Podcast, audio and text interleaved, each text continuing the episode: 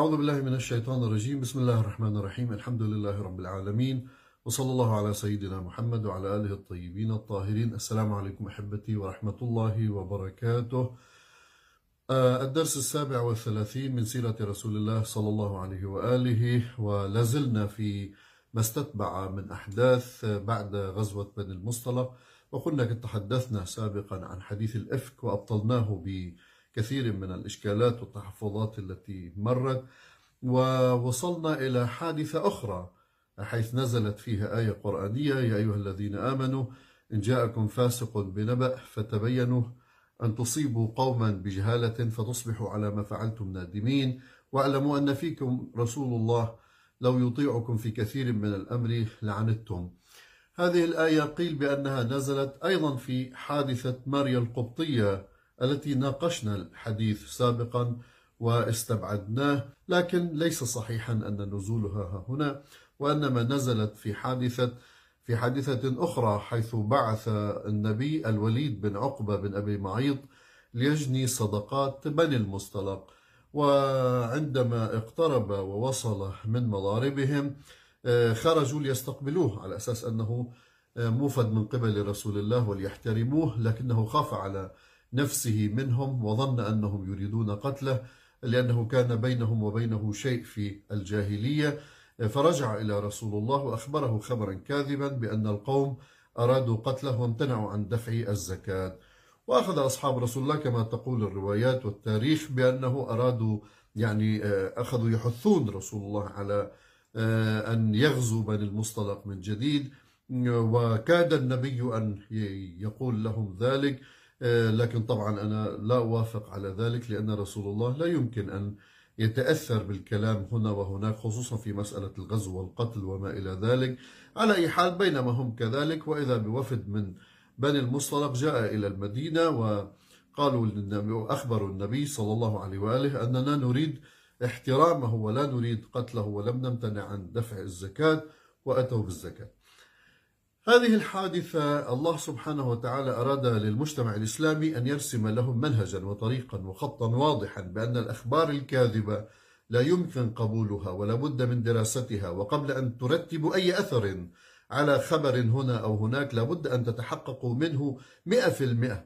ولذلك كان النبي صلى الله عليه وآله يعلم أصحابه على مثل هذا فاشهد وكان يشير إلى ضوء الشمس. أما إذا كان غير ذلك فبين الحق والباطل أربع أصابع. يعني كما نكرر دائما. ومع الأسف اليوم كلها أخبار كاذبة بغالبيتها في الإعلام وفي وسائل التواصل وبين الناس وفي السياسة وفي كل شيء. على أي حال أنا أعتقد بأنها سبب نزول هذه الآية كانت في ابن أبي المعيض. آه الذي جاء بهذا الخبر الكاذب. والله سبحانه وتعالى يعني نهى المجتمع الإسلامي أن يأخذ بأي خبر وأن يتحقق من الخبر أن تصيبوا قوما بجهالة فتصبحوا على ما فعلتم نادمين لأن ذلك سيؤدي إلى الندم الكبير عند الله سبحانه وتعالى وسيؤدي إلى العذاب لأنه يترتب عليه آثار وربما يترتب عليه سفك دم. يعني قد يتكلم الرجل بكلمة آه، وهو لا يدري أين فتبلغ مشارق الأرض ومغاربها كما في الحديث يأتي الرجل يوم القيامة فيقال له هذا نصيبك من دم فلان فيقول يا رب أنا ما قتلت أحدا. قل صحيح لكنك تكلمت بكلمة فبلغت مشارق الأرض ومغاربها. يعني بلغت المسامع وصلت إلى سلاطين وصلت إلى ظالمين وصلت إلى مفسدين. وصلت إلى هؤلاء المحرضين الذين يحرضون الناس على بعض الناس آه، لمجرد الاختلاف معهم فيؤدي ذلك إلى قتلهم أو إلى سفك دمهم أو إلى هتك أعراضهم. فقتل فتكملة الحديث فسفك بها الدم الحرام وهتك بها العرض الحرام وسلب بها المال الحرام. الإنسان مسؤول يوم القيامة. ولذلك الأخبار آه، الكاذبة أو تلقي الخبر الإسلام حدد هذا الميزان ليسير الناس عليه حتى لا يقعوا في الأخبار الكاذبة والإشاعات التي تطلق من هنا وهناك خصوصا فيما يتعلق بأعراض الناس وكرامات الناس ومروءات الناس وأخلاق الناس وما إلى ذلك من أمور. وهذا خط عريض لابد أن يعني نلتفت إليه كثيرا. واعلموا أن فيكم رسول الله. يعني لو يطيعكم في كثير من الأمر يعني لو أن الرسول أطاعكم فيما تشيرون عليه في لعنتم لوقعتم في المشاكل الكبرى ولا ارتكبتم آه، سفك الدم من دون يعني أي تحقق في هذا المجال بمجرد رجل كاذب جاء وتحدث بمثل هذه هذا الخبر. هنا أيضا نستفيد من الآية يعني خطين. الخط الأول كما قلنا الأخبار الكاذبة التي يجب أن نتعامل معها ب آه، بتحذير منها بعدم الأخذ بها لأننا عندما نرى خبرا كاذبا يتعلق بكرامات الناس فهذا يسيء إليهم. يجي واحد مثلا بيكتب على وسائل التواصل خبرية عن زيد أو عمرو أو أي إنسان مثلا وهذه الخبرية لا أساس لها. من الصحة لكن تنتشر هذه الخبرية بين الناس خصوصا المعادين لهذه الشخصية أو تلك الشخصية. ويبدأ الكلام ويبدأ الانتهاكات والسباب والشتائم والتكفير واللعن وإلى آخره مما تعود عليه الناس بأخلاقهم المتدنية التي لا تمس لا إلى الإسلام بصلة ولا إلى النصرة المسيحية بصلة ولا تمس إلى أهل البيت صلوات الله عليهم بصلة على الإطلاق. ونبدأ بالكلام. والله سبحانه وتعالى لا يرضى بذلك على الإطلاق. ولذلك ورد في الحديث من روى على أخيه رواية يريد شينه بها أو إسقاطه من أعين الناس. خرج من ولاية الله إلى ولاية الشيطان. في رواية ثم لا يقبله الشيطان. يعني وين صلاتك؟ وين صومك؟ وين حجك؟ وين زكاتك؟ وين وين؟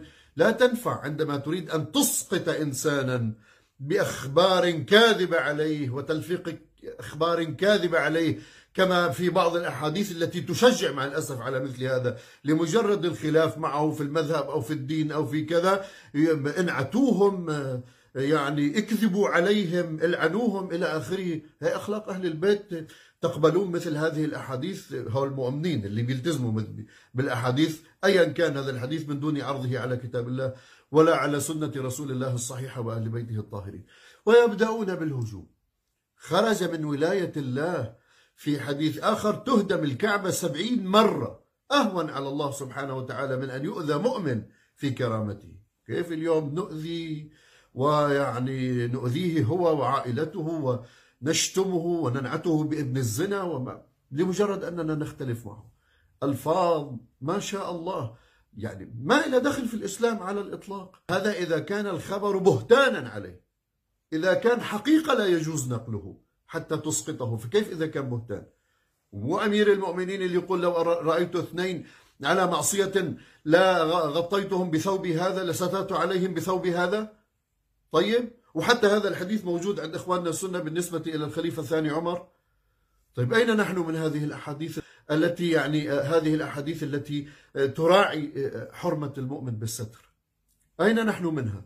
بالعكس نحن إذا نعاشره حتى نكمش عليه نمسك عليه زلة. فإذا مسكنا عليه زلة أخذنا بإشاعتها وإذاعتها. وهذا في بعض في بعض الأحاديث ليس بمؤمن. من يعاشر أخيه آه، ليحصي عليه زلاته وليعايره فيها أمام الناس. خرج من الإيمان في بعض الأحاديث. طيب على كل حال هذه الأحاديث جاءت لتركز مفهوم الآية أن الإنسان لا يجوز له أن يأخذ بأي خبر. ولا يجوز أن يرتب الخل يعني الأثر حتى على الخبر الصحيح. لأنه هذا الإنسان الذي أذاع الخبر الصحيح ويريد هتك صاحبه هو يرتكب جرما كبيرا. وهو ما معنى الغيبة؟ بالله عليكم تدلوني ما معنى الغيبة؟ الغيبة هي ذكرك أخاك المؤمن بعيب مستور فيه. عيب مستور. ارتكب جرما خالف حدا زنى فعل ما فعل وأنت رايح تفضحه. هذه الغيبة. والغيبة شر إدان كلاب جهنم طعام أهل جهنم. الغيبة لا ولا يغتب بعضكم بعضا يحب أحدكم أن يأكل لحم أخيه ميتا فكرهتموه. لا الأخبار التي تريد أن تشيع الخبر الكاذب إذا كان حقا فيه جرم كبير. فكيف إذا كان بهتانا؟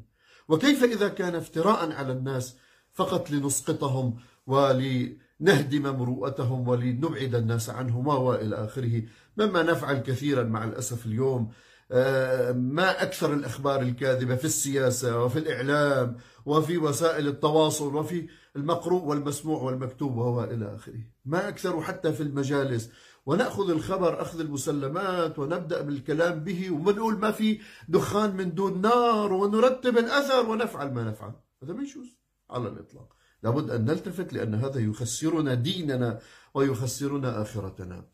العنوان الثاني اللي يمكن لنا أن نفهمه يعني وهذا طبعا كله باختصار من هذه الآية أن هناك من الصحابة من يرتكب أفعالا غير صحيحة غير سليمة. يعني فاسق رب العالمين. قال يا أيها الذين آمنوا إن جاءكم فاسق بنبأ. يعني وصف هذا الإنسان الصحابي بالفاسق فسق عن أمر ربه يعني تعدى أمر ربه. طيب وصفه بالفاسق لأنه كذب في مثل هذا الخبر. بينما نعامل الصحابة معاملة القديسين معاملة أنهم لا يرتكبون الأخطاء معاملة كذا باعتبار أنه نزلت آية رضي الله عنهم ورضوا عنه الذين يبايعونك تحت الشجر. وهذا الرضا ليس مستمرا إلى آخر حياتهم. بل مشروط بأعمالهم. مشروط بأعمالهم ولا ما معنى من يعمل مثقال ذرة خيرا يره ومن يعمل مثقال ذرة شرا يره. ما معنى يعني ليس بأمانيكم ولا أماني أهل الكتاب من يعمل سوءا يجزى به. ما, ما معنى ولئن أشركت لا يحبطن عملك. هذا مرهون. الأعمال التي يعني يأتي بعض الأخبار أو بعض الأحاديث أو حتى هذه الآية وتتحدث عن رضا الله سبحانه وتعالى عن قوم هنا أو قوم هناك. هذا الرضا مشروط ببقاء هؤلاء على حسن سيرتهم وتقواهم إلى أن يموتوا. ولذلك نسأل الله حسن العاقبة في الدعاء. دائما ندعو بأن يختم عواقبنا بخير وليس بسوء. فلذلك عندما نريد أن نناقش التاريخ ونحن طبعا نتحدث عن التاريخ. ما واحد يطلع يقول لي ليش عم تفتح الأحاديث وبتحكي عنها وما بعرف شو هلا بدنا نأكل وفقر وطبابة وهاي الأمور أنا مش مقصر فيها إن شاء الله وعم بحكي فيها كثير. وهالقد قادر يعني ولا يكلف الله نفسا إلا وسعها. قادر على أن أقول كلمة حق في وجه سلطان جائر في وجه هؤلاء الحكام الظلمة عم أقولها بقدر ما أستطيع. أما أنه والله لا لا يكلفني الله أكثر من ذلك لأن لا حول لي ولا قوة في هذا العالم مع وجود هذه الجماعات وهذه يعني الطائفية البغيضة ومع وجود انحراف الناس عن دينهم ومع وجود يعني أكثر الناس يميلون إلى الدنيا وحب الدنيا وحب الزعامات ويظنون أنهم على حق ومع الحق.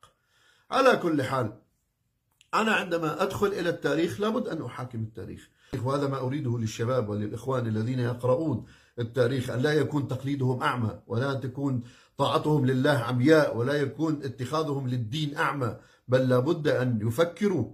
والله رب العالمين ذم قريش لأنها تتبع آباءها إن وجدنا آباءنا على أمة وإنا على أثارهم لمقتدون. وفي آية أخرى ولو كان آباؤكم لا يهتدون لا يعقلون ومين اللي قال لكم أنه آباءكم على حق وعلى هدى وعلى لابد أن يعني نخرج من هذا الثوب الذي تربينا عليه وولدنا عليه لنحاكم التاريخ بتجرد عن عصبياتنا السنية أو الشيعية. لنقول بأن الصحابة قد يرتكبون الموبقات. كما ارتكب قلنا يعني سابقا في مقابلة تلفزيونية عن الصحابي خالد بن الوليد أنه قتل مالك بن نويرة وغلى الرؤوس يعني تحت القدور وقامت القيامة عليه. من أنت حتى تتكلم على هذا الصحابي؟ ومن أنت؟ هذا موجود في الكتب. وحتى أنه موجود في كتب المؤرخين عند إخواننا السنة وغيرهم أنه أراد الخليفة الثاني عمر أن يقيم عليه الحد فأبى أبا بكر وقال له لقد اجتهد فأخطأ. هذا موجود مو مو جايبه من بيت أبوي. فعندما تقولون مثلا نتحدث أحيانا عن معاوية بن أبي سفيان تقوم القيامة. وليش يا أخي. معاوية بن أبي سفيان لمجرد أنه صحابي. مين قال أنه لمجرد أنه صحابي؟ خلص يعني أخذ سق براءة من الله سبحانه وتعالى أو أن أفعاله مغفورة حتى لو كانت موبقة. ما قتل الإمام الحسن عليه السلام. دس له الصوم. ما راح إلا قتل يعني حجر ابن عدي ولا سمم مالك الأشتر وكان يتباهى لله جنود من عسل و إلى آخره. ما راح قل كل هذا على الأقل ثبت أنه قتل سيد شباب أهل الجنة. إمام قام أو قعد. طيب. فلابد أن تخرجوا من هذه العصبيات ولابد أن تحاكموا التاريخ كما هو. ما لنا نقوله وما علينا أيضا نقوله. فأيها الأحبة هذه الآية من جهة تؤكد أن صحابة رسول الله ممكن أن يخطئوا ومن جهة ثانية تؤكد بشكل كبير على أن الخبر لابد إذا أن نتعامل معه معاملة دائرة الإمكان حتى ننفيه أو نثبته ب يعني بالضرس القاطع وإلا نكون قد تجنينا على بعضنا البعض. والتفتوا أيها الأحبة التفتوا من أن تكسروا بعضكم.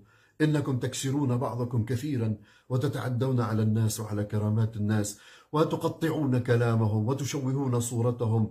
لا أدري لماذا وتحسبون أنفسكم أنكم على خير وتحسبون أنفسكم أنكم يعني ناجين وأن هذا واجبكم أن تفضحوا الذين يعني يريدون تشويه الدين في الوقت الذي أنتم تدمروا الدين وتدمروا الأشخاص وتدمروا الناس بدل أن تناقشوهم مع الأسف الشديد. الذين ضل سعيهم في الحياة الدنيا وهم يحسبون أنهم يحسنون صنعا. نسأل الله سبحانه وتعالى أن نكون من الذين نحسن العمل ولا نظن أنه حسن بل نتيقن من حسنه وأن نتعامل مع الأخبار التي نسمعها بكل هذه الوسائل أن نتعامل معها معاملة الكذب لأنه إذا ساء الزمان وأهله فلا نظن بأحد خيرا حتى يثبت العكس. لأنه مع الأسف الشديد اليوم الذي يتحرك مع الناس هو العصبيات هو الحزبيات هو الجاهليات هو هذا الموروث الموجود عند المسلمين ولا يتحرك الطائفية ولا يتحرك معهم ما يريده الله وما يرضي الله. والحمد لله رب العالمين وصلى الله على محمد وآله الطاهرين.